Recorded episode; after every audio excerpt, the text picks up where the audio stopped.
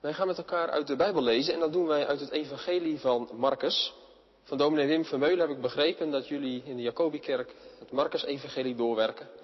Maar dat het begin van het Marcus-evangelie nog niet aan de orde is geweest. En dat lezen we vanmiddag. Marcus 1, vers 1 tot en met 13. Het begin van het evangelie van Jezus Christus, de Zoon van God. Het is zoals er geschreven staat in de profeten. Zie, ik zend mijn engel voor uw aangezicht, die voor u uit uw weg gereed zal maken. En de stem van iemand die roept in de woestijn, maak de weg van de Heere gereed, maak zijn paden recht. Johannes kwam in de woestijn en doopte en predikte een doop van bekering tot vergeving van zonden. En heel het Judese land en de inwoners van Jeruzalem liepen naar hem uit. En ze werden alle door hem gedoopt in de rivier de Jordaan, terwijl zij hun zonden beleden. En Johannes was gekleed in kameelhaar en had een leren gordel om zijn middel en at sprinkhanen en wilde honing. En hij preekte en zei, na mij komt hij die sterker is dan ik, bij wie ik het niet waard ben neer te bukken en de riem van zijn sandalen los te maken. Ik heb u wel gedoopt met water, maar hij zal u dopen met de Heilige Geest.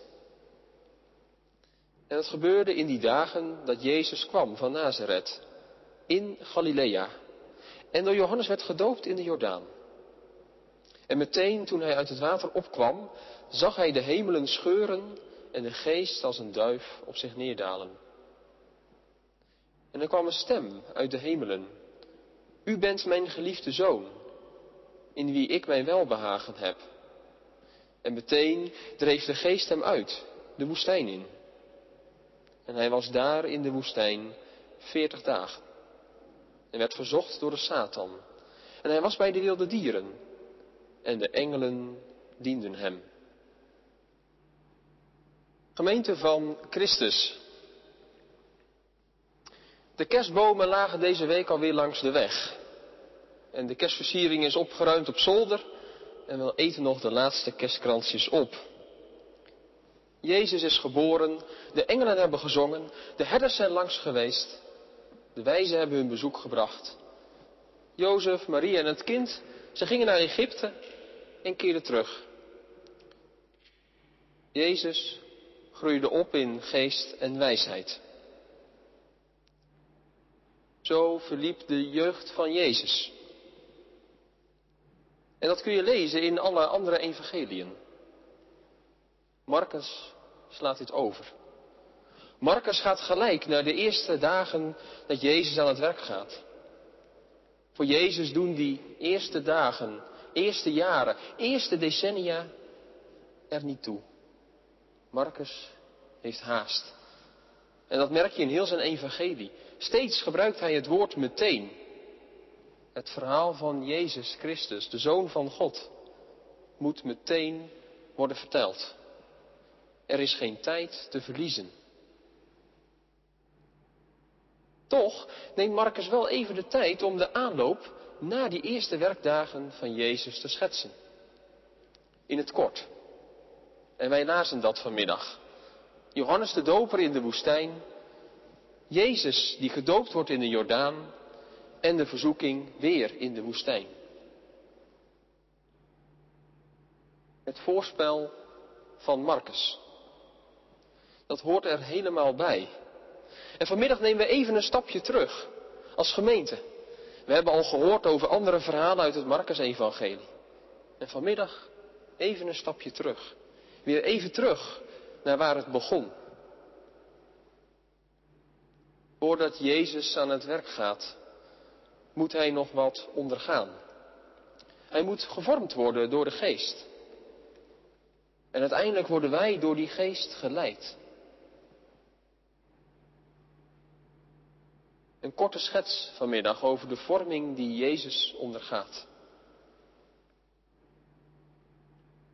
Marcus neemt ons gelijk mee naar het Oude Testament. Het stuk uit de Bijbel dat gaat over Jezus, dat zwanger is van Jezus. En in het Oude Testament gaat het over die komst van Jezus. En dat er aan die komst nog iemand vooraf gaat.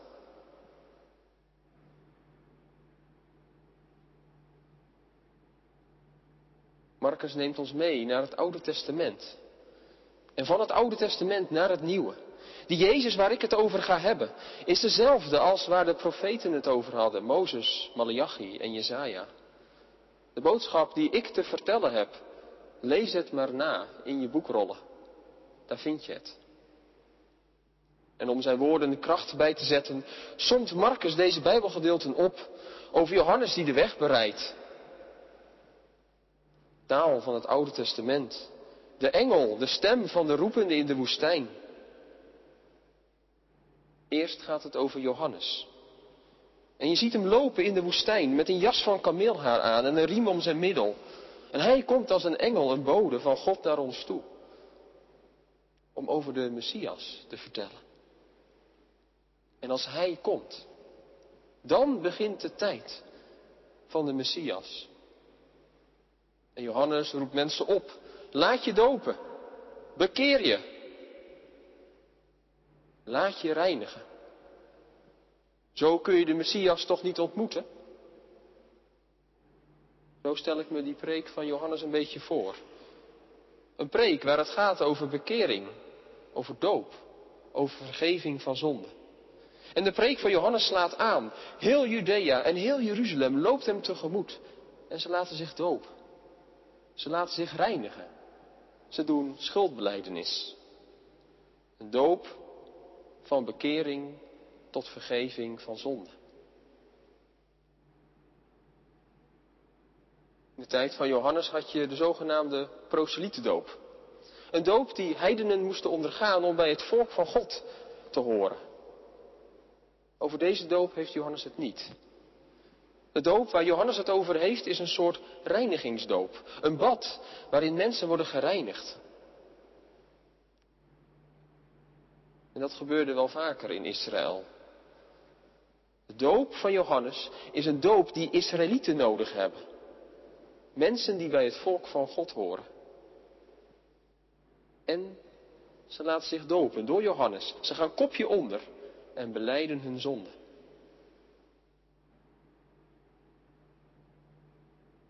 Als je dat zo leest in het Marcus-evangelie en dit zo hoort nu, dan denk je misschien wel van wat, wat, raar eigenlijk, dat die mensen zich laten overtuigen door die preek van Johannes. En zich gewoon laten dopen. Iemand die een beetje vrij, vreemd bijloopt in een jas van kameelhaar en een leren riem eromheen. Iemand die alleen maar sprinkhanen eet en honing. Een vreemde vogel, die Johannes. Iemand die er niet zo bij liep als alle andere mensen. En als je een beetje goed thuis bent in de Bijbel, dan, dan weet je misschien wel, en dat wisten in ieder geval de Judeërs en die inwoners van Jeruzalem, dat er nog iemand is die er zo bij liep als Johannes. En op die persoon wachten veel Joden. Als hij zou komen, dus komt er iets bijzonders. Gebeurt er iets bijzonders. En je raadt het al. Misschien. De profeet die heel Israël verwachtte. Elia was zijn naam. En ja, Elia liep in een jas van kameelhaar met een riem om zijn middel. Als je Johannes ziet, dan moesten de mensen gelijk denken aan Elia. En als je aan Elia dacht, moesten ze gelijk denken aan de Messias. En over hem heeft Johannes het ook. Ik doop met water, maar hij doopt met de geest. Johannes in de woestijn. Hij doet een stapje terug. Want Jezus moet nu op de voorgrond staan. Jezus zal geïnaugureerd worden. Johannes doet een stapje terug. En Jezus neemt het stokje over. Maar Jezus laat zich ook eerst dopen. Jezus wordt solidair met ons, zei Van Ruler. Jezus laat zich dopen. Jezus gaat net als al die Judeërs en die Jeruzalemmers gedoopt worden.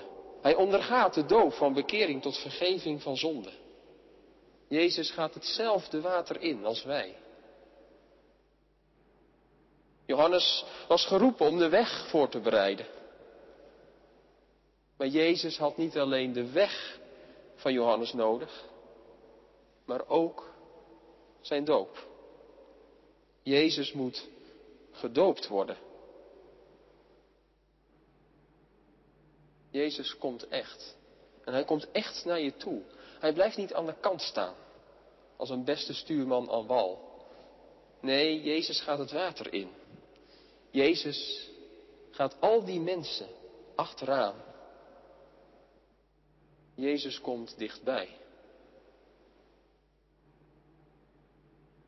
De doop was nodig voor Jezus om gevormd te worden wie hij moest zijn, een mens te zijn op aarde in deze wereldtijd. Een mens. Een mens dat weet van schuld en van berouw.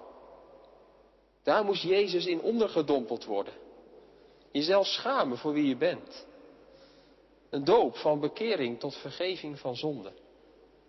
Geen feest, maar een confrontatie met jezelf. De spiegel. Ik weet niet hoe het jou vergaat, maar ik zou het liefst hier overheen lezen dat Jezus zich laat dopen. Dat Hij zich laat dopen, net als al die andere mensen die vergeving nodig hebben. Ik vind het niet fijn om zo'n zwakke Jezus te zien.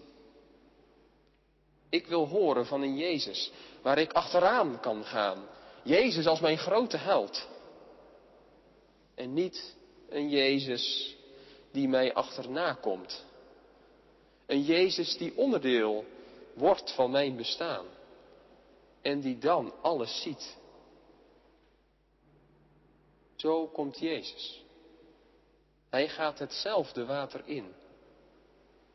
Dat reinigt van zonde.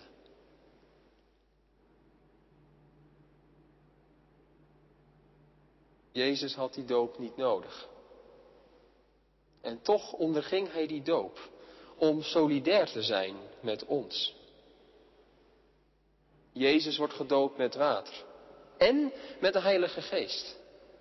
We zien Jezus het water ingaan en hij staat weer op en dan scheurt de hemel open, schrijft Marcus. En ook dat is weer een citaat uit het Oude Testament. Dat de hemel open scheurt en dat God neerdaalt. Marcus heeft haast. En gelijk schrijft Marcus in het evangelie erna. Jezus nog maar net gedoopt. De vader heeft nog, nog maar net gesproken. Jij bent mijn zoon. In jou heb ik welbehagen. In jou vind ik vreugde. En meteen schrijft Marcus dat Jezus de woestijn ingaat. En meteen dreef de geest hem uit in de woestijn. Er is geen tijd te verliezen om stil te staan bij de doop van Jezus. Er moet nog meer verteld worden. Marcus wijst ons er volgens mij op dat het niet alleen maar gaat om dat prachtige tafereel daar aan de Jordaan. Marcus wijst ons erop dat het leven ook gaan is door de woestijn. Net als Johannes de Doper gaat ook Jezus deze weg. Werd hij eveneens solidair met ons werd hij een mens in de woestijn. Veertig dagen woestijn. Mozes en Elia, daar heb je hem weer, kunnen je er alles over vertellen. Veertig dagen. Sinaï. Veertig dagen op de Horeb. Om voorbereid te worden op hun missie. En zo gaat Jezus ook de woestijn in. Om daar gevormd te worden om daar een spoedcursus mens zijn te krijgen. Veertig dagen. Veertig jaar woestijn. Veertig jaar was het volk van God onderweg naar het beloofde land. En je hebt de verhalen wel gehoord. Door de Rode Zee. En dan veertig jaar door de woestijn. En Jezus doet dat dunnetjes over, die geschiedenis van Israël. Eerst gedoopt, daarna door de woestijn. Veertig dagen woestijn, met alle verzoekingen erbij, verzocht door de Satan. Dat werd Jezus niet bespaard. Jezus onderging die aanvechting, die je soms naar de keel grijpt, die je heen en weer schudt, als je het soms allemaal niet meer weet met God en met jezelf. Dat anderen om je heen ver weg zijn. Dat ze je niet kunnen helpen. Dat je voor je gevoel verlaten bent van God en van alle mensen om je heen. Aangevochten worden door de Satan en wilde dieren om je heen. Geen God en geen mens. Die weg ging Jezus. In de meest extreme condities. Aanvechting. Het allemaal niet meer weten. Het hoort erbij. En Jezus, Hij weet er alles van.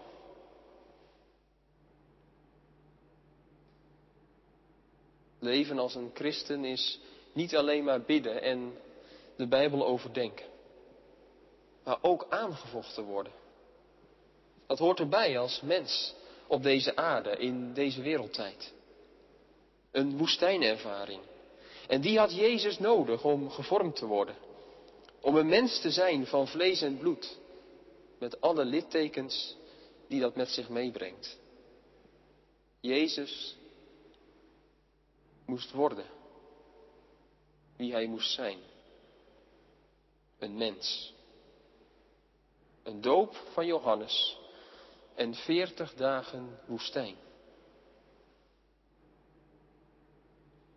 Je zou hier kunnen stoppen. En dan heb je alleen maar het trieste verhaal van Jezus, die solidair wordt met ons in de woestijn en de doop. Maar Marcus vertelt ons ook nog wat meer. Marcus vertelt ons ook nog over een andere draad, waar Marcus ook een begin mee maakt. Een andere draad, die je ziet oplichten als licht in het donker. De draad van de belofte. Johannes zei, ik doop met water, maar Jezus, hij zal dopen met de geest. En daarover had het Oude Testament het ook al, over het uitgieten van de geest. Het uitstorten van de geest, het geven van de geest. Ezekiel, Joël, Jezaja, zij schrijven erover. En daar, aan de Jordaan, vindt eigenlijk al een klein Pinksteren plaats. De geest wordt uitgestort. Jezus wordt vol van de geest. Om als hij straks weggaat naar de hemel, die geest achter te kunnen laten. Zodat wij nooit meer alleen in die woestijn hoeven te zijn. En dat wij engelen zullen hebben die ons dienen. En dat wij niet alleen maar doop van bekering tot vergeving van zonde ontvangen. Maar ook dat we gekneed en gevormd worden door de geest. Dat staat nu nog uit in het evangelie. We staan aan het begin. Maar dat is wel de weg waar Jezus ons zal brengen. We krijgen vanmiddag een voorproefje van wat komen gaat. We zien dat samenspel van de Vader, de Zoon en de Geest. Pinksteren in het klein. Maar straks wordt de geest uitgestort. En dan weten we dat we kinderen van God zijn. Dan weten we dat we in u heten, Gods zonen. Gevormd, gekneed door de geest. Dat werd Jezus. En dat doet Jezus ook bij ons. Hij doopt met de geest. Vanmiddag, hier in de kerk. Jezus doopt je. En misschien ervaar je dat wel. Nu je hier weer in de kerk bent. Dat de hemel voor je gevoel misschien even open gaat. En dat de geest bij je aanwezig is en je aanraakt. Je leidt, je troost, je terechtwijst. Dat je weet, ik ben van Jezus. Ik ben een kind van de Vader. Ik word geleid door de geest.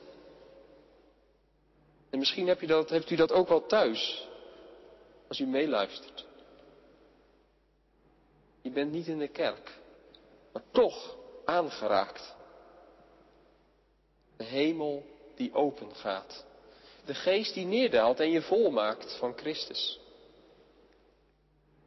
Dat hebben we nodig in ons leven. Bij alle keuzes die we maken. Keuzes voor welk profiel we gaan kiezen. Of wat voor opleidingen we gaan doen. Of wat voor werk we gaan doen. Of wat voor partner we nodig hebben. Of naar welk verzorgingshuis we willen of moeten gaan. Of hoe we om moeten gaan met wie er wel en niet mag komen. De geest. Die hebben we nodig. De geest. In ons laten werken, gedoopt worden, geleid, gekneed, gevormd worden van, door de geest. Dat hebben we nodig als mensen. En dat is een van de moeilijkste dingen. En daarom hebben we elkaar nodig. Om het gevaar te lopen. Om de geest in ons te laten werken. Die Bijbeltekst, dat lied. Of die ontmoeting. Het is nu nog te vroeg in het Evangelie van Marcus voor de uitstorting van de geest. Eerst moet Jezus nog aan het werk. Eerst moet Jezus nog verder solidair worden met ons. En moet Jezus nog gaan vertellen over dat Hij de zoon van de mensen is. En dat Hij de zoon van God is.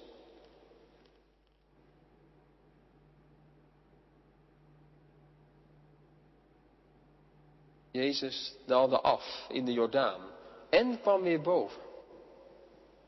En volgens mij is dat eigenlijk het evangelie in het kort. Afdalen en weer naar boven komen. Lijden, sterven en begraven worden. Opstaan, naar de hemel gaan en de geest uitstorten. Dat is de gang van Jezus.